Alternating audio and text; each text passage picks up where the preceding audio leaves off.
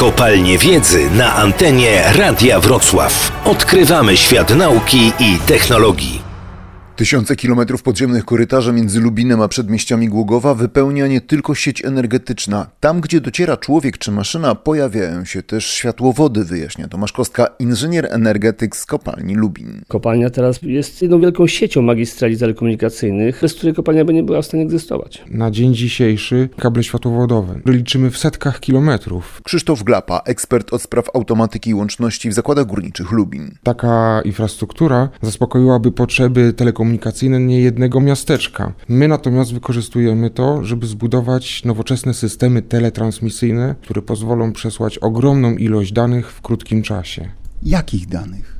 To są wszelkie dane dotyczące pracy maszyn i urządzeń, a także systemów bezpieczeństwa kopalni, czy również zwykłych, prostych informacji dotyczących przemieszczania się załogi na dole kopalni, ale również dotyczy to pracy kluczowych urządzeń elektroenergetycznych, mechanicznych, transportowych. Przed laty, kiedy się zdarzyła awaria maszyny, operator musiał pozostawić tą maszynę i musiał się udać na pieszo do najbliższego środka łączności przewodowej w oparciu o klasyczne aparaty. Dziś ma ten komfort, że z kabiny swojej maszyny powiadamia swoich przełożonych i prosi o wsparcie. Żeby jeszcze do tego dodać taki smaczek, to operator maszyny nie musi informować swojego sztygara dzisiaj, jaki jest stan maszyny, ponieważ jest system, który informuje automatycznie przełożonych tego operatora, jaki jest stan techniczny zapobiegania awariom i uszkodzeniom postoju, a nie doprowadzania do nich. Także to jest następny wymóg dla systemów teleinformatycznych i automatyki, które powodują, że my będziemy wiedzieć, kiedy się zdarzy awaria. A czy możliwe jest wykorzystanie tych sieci na przykład do sterowania już bezpośredniego, bez udziału człowieka tam na przodku? Ależ oczywiście cel zasadniczy tych wszystkich y, projektów jest podniesienie bezpieczeństwa pracowników, wyeliminowanie człowieka z miejsc najbardziej niebezpiecznych. Y, w XXI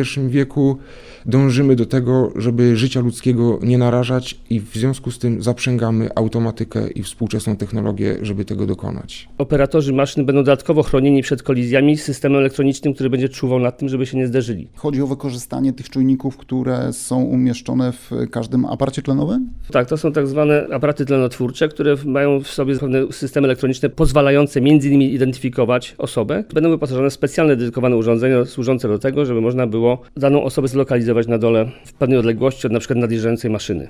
Jak to w praktyce będzie wyglądało? Człowiek, który idzie jakimś korytarzem, w momencie, kiedy w jego otoczeniu pojawi się jakaś maszyna, dostanie sygnał zatrzymaj się, cofnij. Przede wszystkim maszyna, operatorzy maszyn często są zlokalizowani w bardzo wąskiej przestrzeni, bazują na monitorach, gdzie ich widoczność bezpośrednio jest bardzo ograniczona. Pojawienie się osoby będzie sygnalizowane dźwiękowo i poprzez na przykład sygnalizację świetlną. Na audycję zaprasza KGHM Polska Miedź SA.